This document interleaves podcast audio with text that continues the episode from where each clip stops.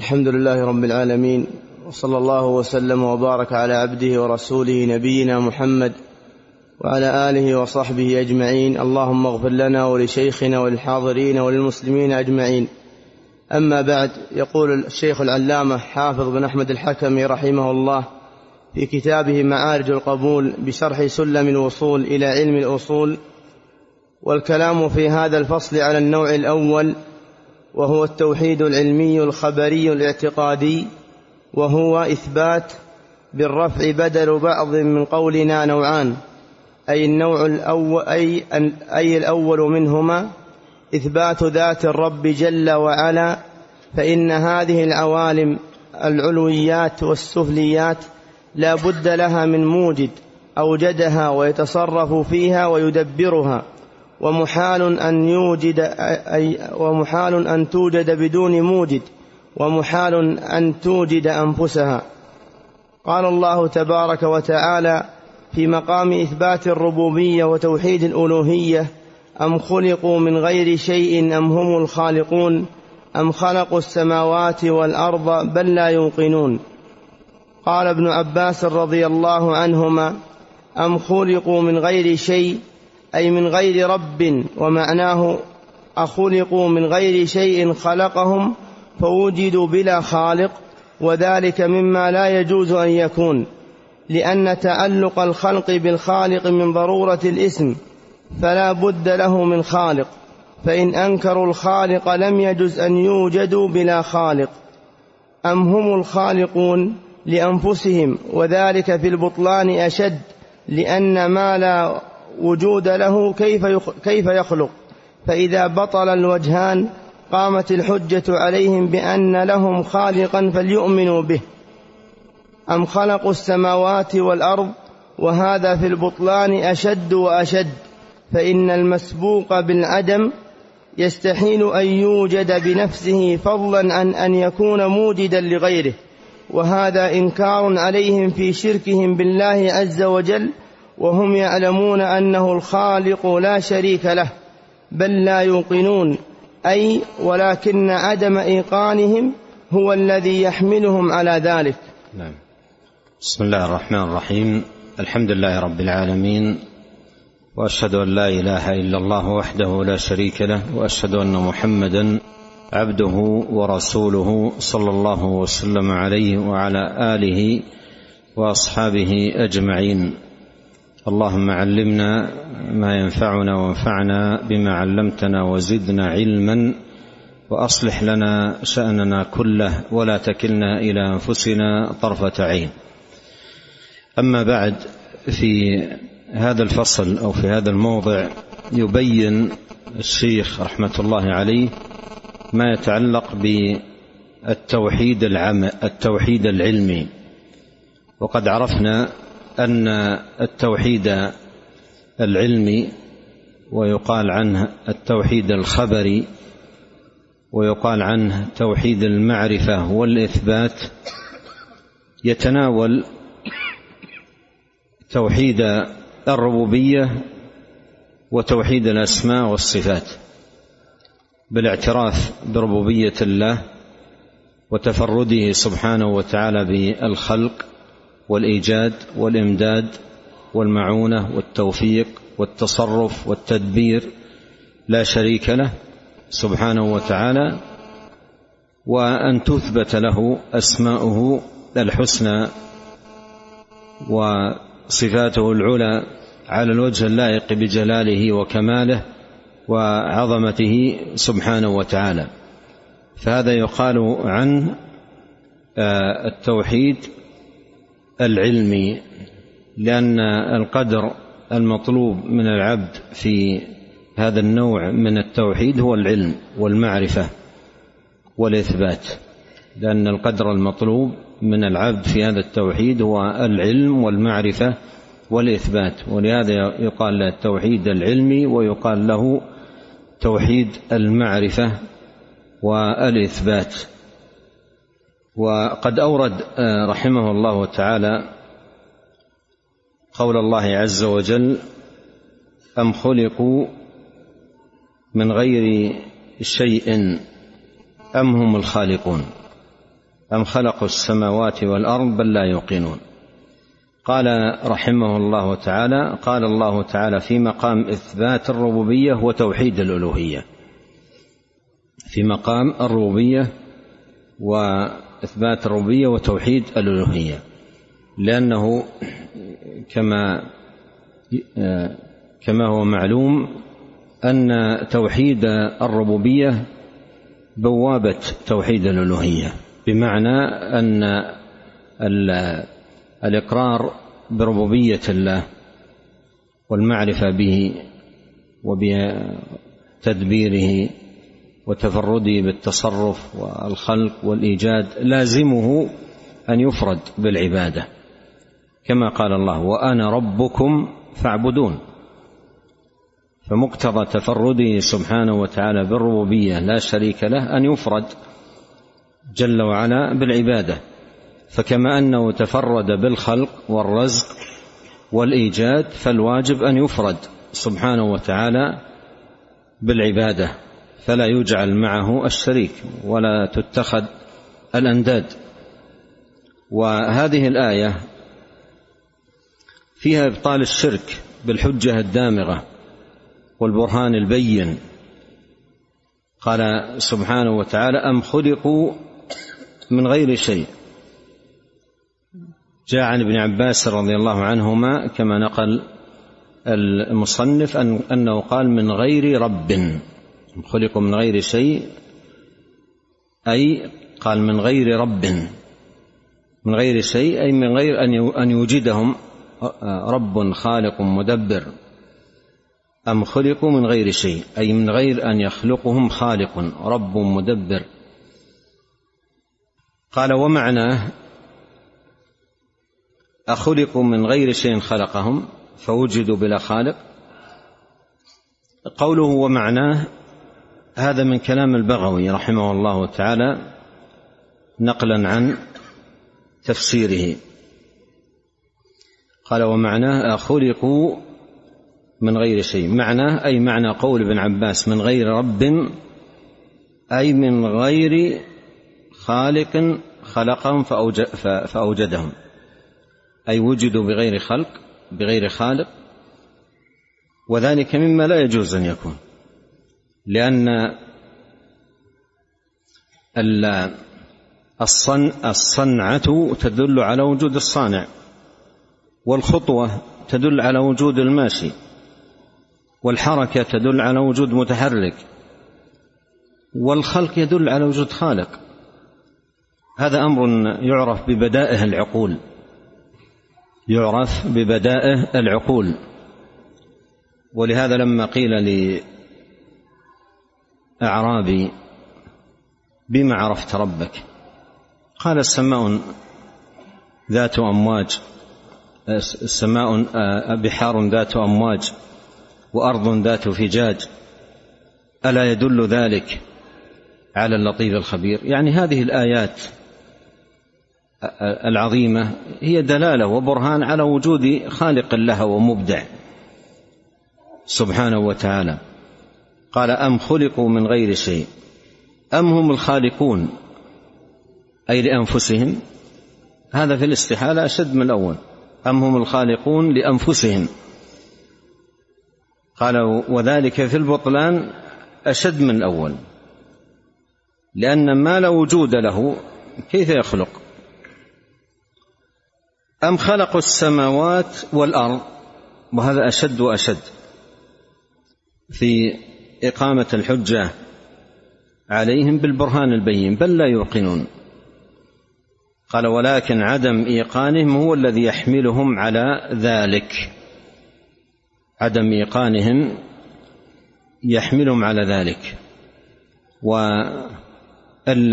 واليقين اليقين هو كمال العلم وثبوته في النفس بحيث لا يبقى تردد ولا يبقى ارتياب. إذا وجد التردد والارتياب في النفس انتفى اليقين ولهذا الإيمان لا بد فيه من يقين. واليقين هو انتفاء الشك. اليقين هو انتفاء الشك. إنما المؤمنون الذين آمنوا بالله ورسوله ثم لم يرتابوا. فهذا هو اليقين. اليقين هو انتفاء الشك انتفاء الريب. من قالها يقول عليه الصلاة والسلام مستيقنا بها قلبه. الحديث الآخر قال غير شاك فيهم. هذا هو اليقين. اليقين انتفاء الشك. فإذا وجد التردد والارتياب والشك فاليقين منتفي. نعم. وعن جبير بن مطعم رضي الله عنه قال سمعت رسول الله صلى الله عليه وسلم يقرأ في المغرب بالطور فلما بلغ هذه الآية أم خلقوا من غير شيء أم هم الخالقون؟ أم خلقوا السماوات والأرض بل لا يوقنون؟ أم عندهم خزائن ربك أم هم المسيطرون؟ كاد قلبي أن يطير أخرجاه في الصحيحين. هذا الحديث وهو في الصحيحين حديث جبير آه، ابن مطعم آه، رضي الله عنه في سماعة لهذه الآية والنبي عليه الصلاة والسلام يقرأها في صلاة الفجر فوقعت موقعا عظيما من قلبه. وكان لها أثر عظيم. وهذه هذا الحديث هو شاهد من شواهد كثيرة على عظم تأثير القرآن على القلوب لمن وفقه الله سبحانه وتعالى لحسن التأمل لكتابه جل في علاه. فهذه القصة هي من شواهد كثيرة جدا على أن من وفقه الله سبحانه وتعالى آه، للتأمل في معاني القرآن وآيه فإن هذا من أعظم أبواب هداية القلب. من أعظم أبواب هداية القلب.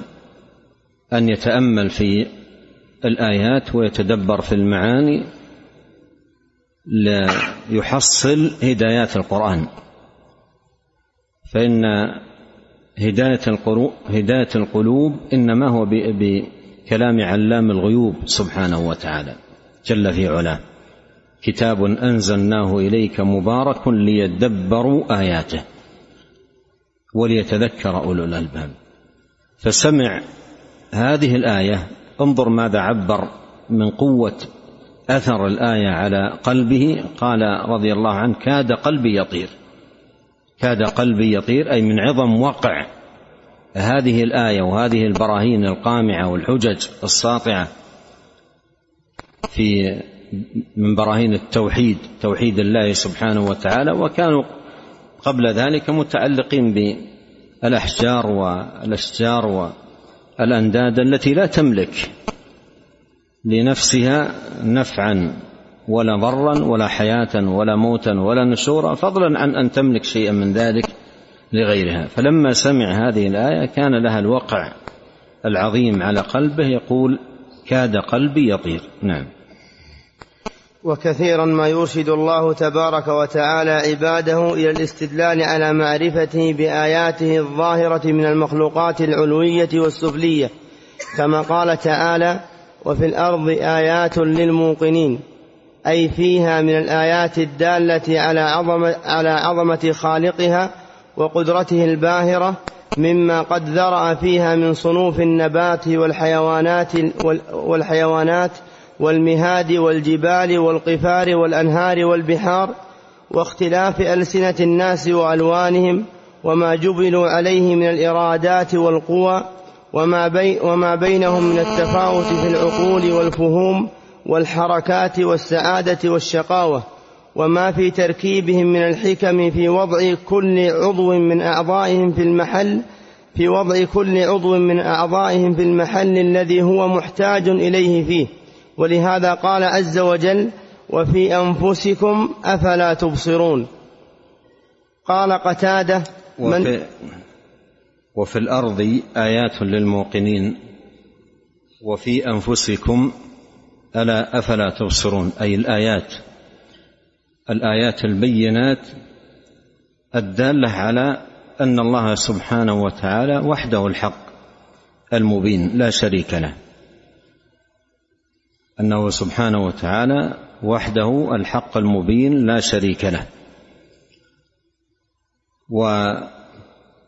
ومثلها قوله سبحانه وتعالى سنريهم آياتنا في أنفسهم في الآفاق وفي أنفسهم حتى يتبين لهم أنه الحق.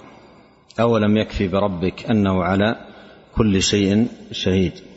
فهذه آيات أودعها الله سبحانه وتعالى في هذا الكون دالة عليه سبحانه وتعالى دالة على كمال إبداعه وعظيم تفرده وأنه سبحانه وتعالى لا ند له ولا شريك.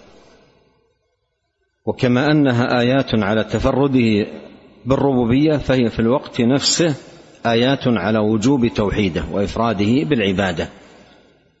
مثل ما قال الله سبحانه وتعالى يا أيها الناس اعبدوا ربكم الذي خلقكم والذين من قبلكم لعلكم تتقون الذي جعل لكم الأرض فراشا والسماء بناء وأنزل من السماء ماء فأخرج به من الثمرات رزقا لكم فلا تجعلوا لله اندادا وأنتم تعلمون. أي تعلمون أنه لا خالق لكم غير الله. فالعلم بأنه لا خالق مدبر متصرف في هذا الكون غير الله هذا أبين ما يكون في البرهان على وجوب إفراده سبحانه وتعالى بالعبادة. نعم. قال قتادة من تفكر في خلق نفسه علم أنه إنما لينت مفاصله للعبادة وكذا ما في ابتداء الإنسان من الآيات العظيمة إذ كانت نطفة ثم علقه ثم مضغة ثم عظاما إلى أن نفخ فيه الروح. كلام قتادة عظيم جدا. يعني هو مستفاد من قوله وفي أنفسكم أفلا تبصرون. يعني هذه الآيات التي أودعها الله سبحانه وتعالى في الإنسان نفسه في أعضائه وأجزاء بدنه الظاهرة والخفية. هذه آيات عظيمة جدا. ولهذا العلم الحديث والأجهزة الحديثة أوقفت الناس على أشياء في آه، في داخل الإنسان وأعمالها العظيمة. ما يدل على عظمة الخالق جل في علاه. حتى إن كثيرا من الأطباء الموفقين من غير المسلمين كانت هذه سبب إسلامهم وقوفهم على هذه الآيات سبب إسلامهم ودخولهم في الدين. وفي في الإنسان آيات تدل على أن هذه الأعضاء التي أودعها الله سبحانه وتعالى إنما أوجدها فيه ولين هذه المفاصل وأوجد هذه الأعضاء لأن يفرد بالعبادة. أيحسب الإنسان أن يترك سدى أي لا يؤمر ولا ينهى؟ أيحسب أنه خلق على هذه الهيئة وهذا القوام وهذا الجمال وهذه الآيات الباهرة التي أودعها الله ليبقى هملا؟ فهذه من الآيات الدالة على تفرد الله بالخلق ووجوب إفراده سبحانه وتعالى بالعبادة. قال من تفكر في خلق نفسه علم أنه إنما لينت مفاصله للعبادة. انظر التنبيه الجميل في قوله رحمه الله من تفكر في خلق نفسه. هذا باب يغفل عنه كثير من الناس أن يتفكر في هذه الأعضاء. وهذه المفاصل هذه الأجهزة العظيمة التي في البدن. يتفكر في عظيم خلق الله سبحانه وتعالى له على هذه الصفة. يتفكر في حواسه وموضعها والجمال الذي جعله الله سبحانه وتعالى في هذا الإنسان وميزه به. ثم بعد هذا التفكر يبني عليه إقامة نفسه على طاعة من أوجده. إقامة نفسه على طاعة طاعة من اوجده سبحانه وتعالى. نعم. وقال تعالى والسماء بنيناها بأيد وإنا لموسعون والأرض فرشناها فنعم الماهدون ومن كل شيء خلقنا زوجين لعلكم تذكرون. يقول تعالى منبها على خلق العالم العلوي والسفلي والسماء بنيناها أي جعلناها سقفا محفوظا رفيعا بأيدي أي بقوة. قاله ابن عباس ومجاهد وقتاده. بأيد. بأيد. وإذا سكن بأيد. بأيد أي بقوة. قاله ابن عباس ومجاهد وقتاده والثوري وغير واحد. وإنا لموسعون. قال ابن عباس رضي الله عنهما لقادرون. وعنه أيضا لموسعون الرزق على خلقنا. وقيل ذو سعة. وقال ابن كثير أي قد وسعنا أرجاءها ورفعناها بغير أمد حتى استقلت كما هي.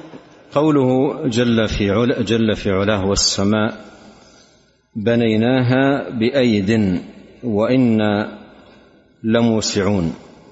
والأرض فرشناها فنعم الماهدون.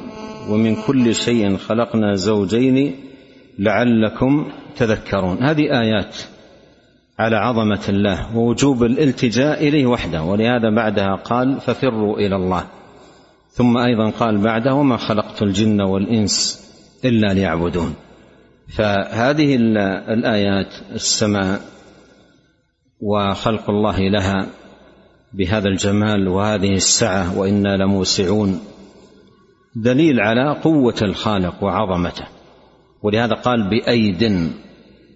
قال ابن عباس آه، قال المصنف رحمه الله بأيد أي بقوة. بأيد أي بقوة. وهذا ليس من التأويل لأن أيد ليست جمع يد كما في قوله مما عملت أيدينا. وإنما أيد مصدر للفعل آدى يأيد ومعناه القوة. أيدتك بروح القدس أي قويتك.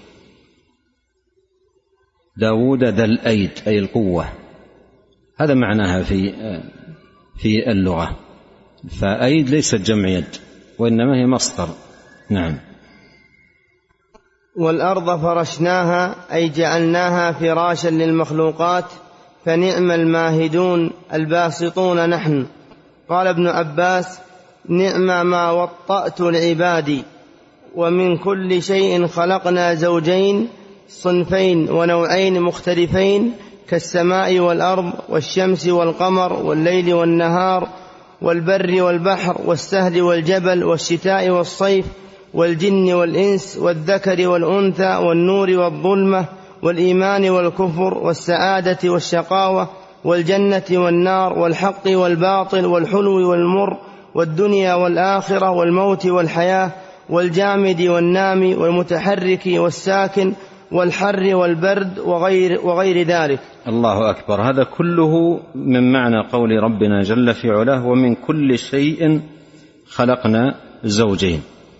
من كل شيء خلقنا زوجين، نعم. لعلكم تذكرون أي لتعلموا أن الخالق واحد فرد لا شريك له. انتهى ابن كثير والبغوي. اذا هذا الخلق الذي ذكر هنا في هذه الآية من كل شيء خلقنا زوجين. هذا الخلق العظيم من كل شيء زوجين مدعاة للتفكر.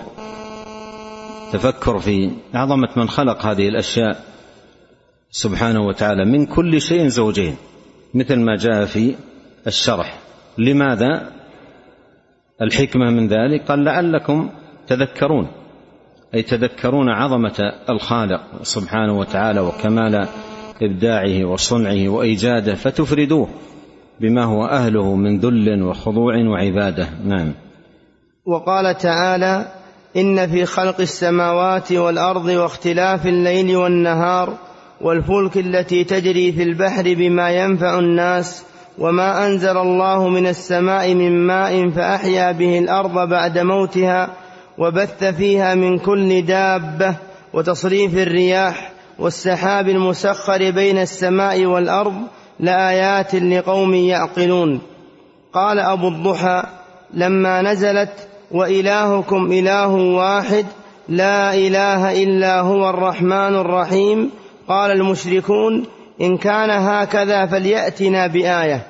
فأنزل الله عز وجل إن في خلق السماوات والأرض تلك في ارتفاعها ولطافتها واتساعها وكواكبها السيارة وكواكبها السيارة والثوابت ودوران فلكها وهذه الأرض في كثافتها وانخفاضها وجبالها وبحارها وقفارها ووهادها وعمرانها وما فيها من المنافع واختلاف الليل والنهار هذا يجيء ثم يذهب ويخلفه الآخر ويعقبه ولا يتأخر عنه لحظة. كما قال تعالى لا الشمس ينبغي لها أن تدرك القمر ولا الليل سابق النهار وكل في فلك يسبحون. وتارة يطول هذا ويقصر هذا وتارة يأخذ هذا من هذا ثم يتعاوضان كما قال تعالى يولج الليل في النهار ويولج النهار في الليل. أي يزيد من هذا في هذا ومن هذا في هذا. والفلك التي تجري في البحر بما ينفع الناس أي في تسخير البحر بحمل السفن من جانب إلى جانب لمعايش الناس والانتفاع بما عند أهل ذلك الإقليم ونقل هذا إلى هؤلاء. وما أنزل الله من السماء من ماء فأحيا به الأرض بعد موتها كما قال تعالى وآية لهم الأرض الميتة أحييناها وأخرجنا منها حبا وأخرجنا منها حبا فمنه يأكلون إلى قوله ومما لا يعلمون وبث فيها من كل دابة على اختلاف أشكالها وأنواعها وألوانها ومنافعها وصغرها وكبرها وهو يعلم ذلك كله ويرزقه لا يخفى عليه شيء من ذلك كما قال تعالى وما من دابة في الأرض إلا على الله رزقها ويعلم مستقرها ومستودعها كل في كتاب مبين وتصريف الرياح فتارة تأتي بالرحمة وتارة تأتي بالعذاب وهي الريح وتارة تأتي مبشرات بين يدي السحاب وتارة تسوقها وتارة تجمعه وتارة تفرقه وتارة تصرفه. ثم تارة تأتي من الشمال وهي الشامية وتارة تأتي من ناحية اليمن وتارة صبا وهي الشرقية وتارة دبور وهي الغربية وغير ذلك والله أعلم. والسحاب المسخر بين السماء والأرض أي سائر بين السماء والأرض مسخر إلى ما يشاء الله من الأراضي والأماكن كما يصرفه تعالى.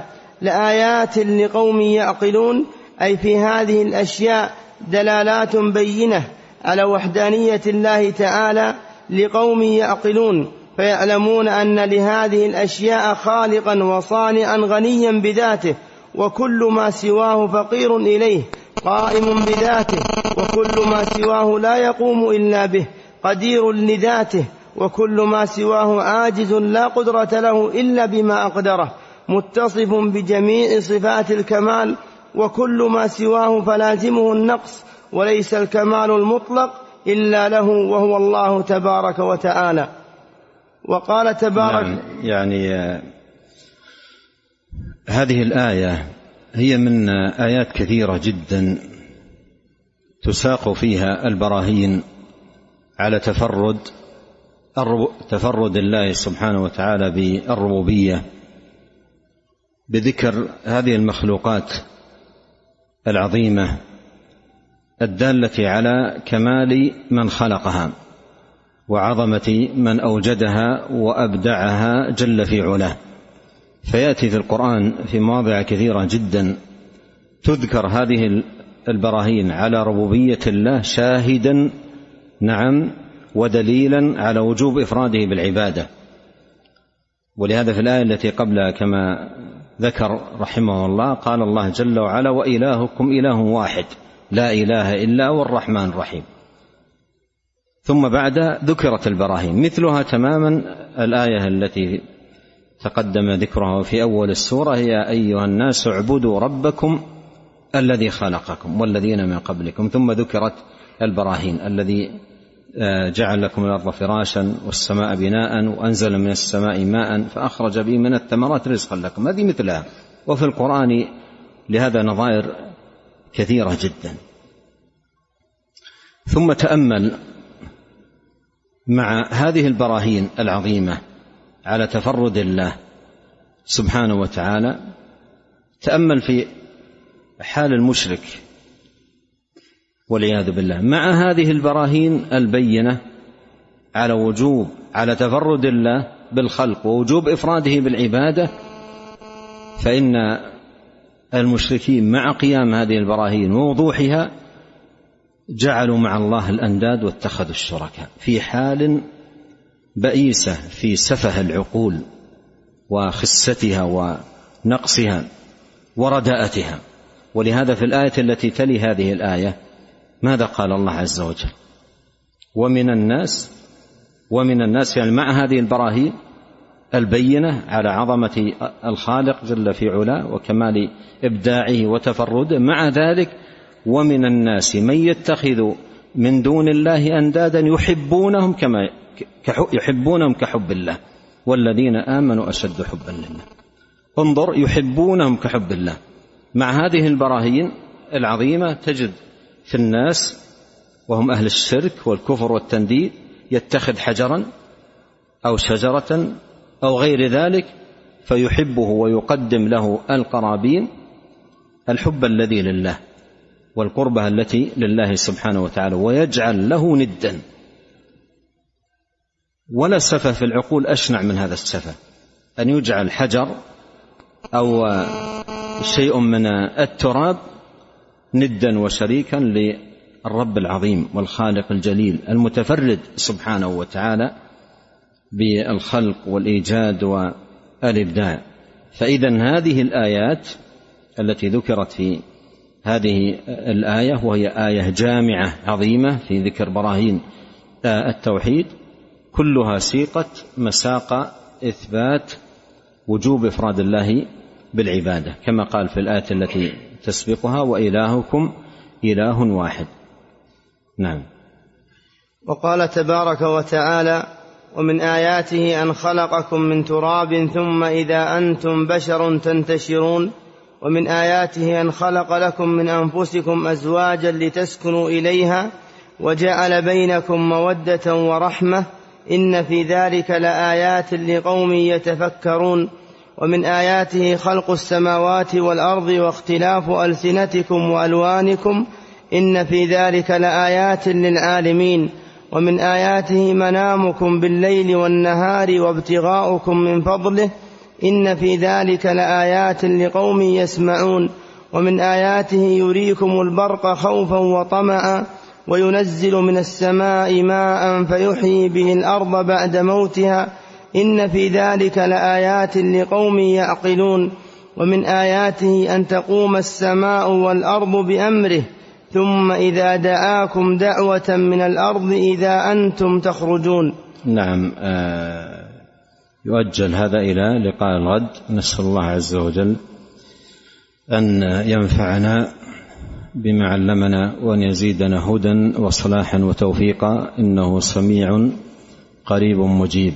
اللهم اقسم لنا من خشيتك ما يحول بيننا وبين معاصيك ومن طاعتك ما تبلغنا به جنتك ومن اليقين ما تهون به علينا مصائب الدنيا. اللهم متعنا بأسماعنا وأبصارنا وقوتنا ما احييتنا واجعله الوارث منا واجعل ثأرنا على من ظلمنا وانصرنا على من عادانا. ولا تجعل مصيبتنا في ديننا ولا تجعل الدنيا أكبر همنا. ولا مبلغ علمنا ولا تسلط علينا من لا يرحمنا. سبحانك اللهم وبحمدك أشهد أن لا إله إلا أنت أستغفرك وأتوب إليك. اللهم صل وسلم على عبدك ورسولك نبينا محمد وآله وصحبه.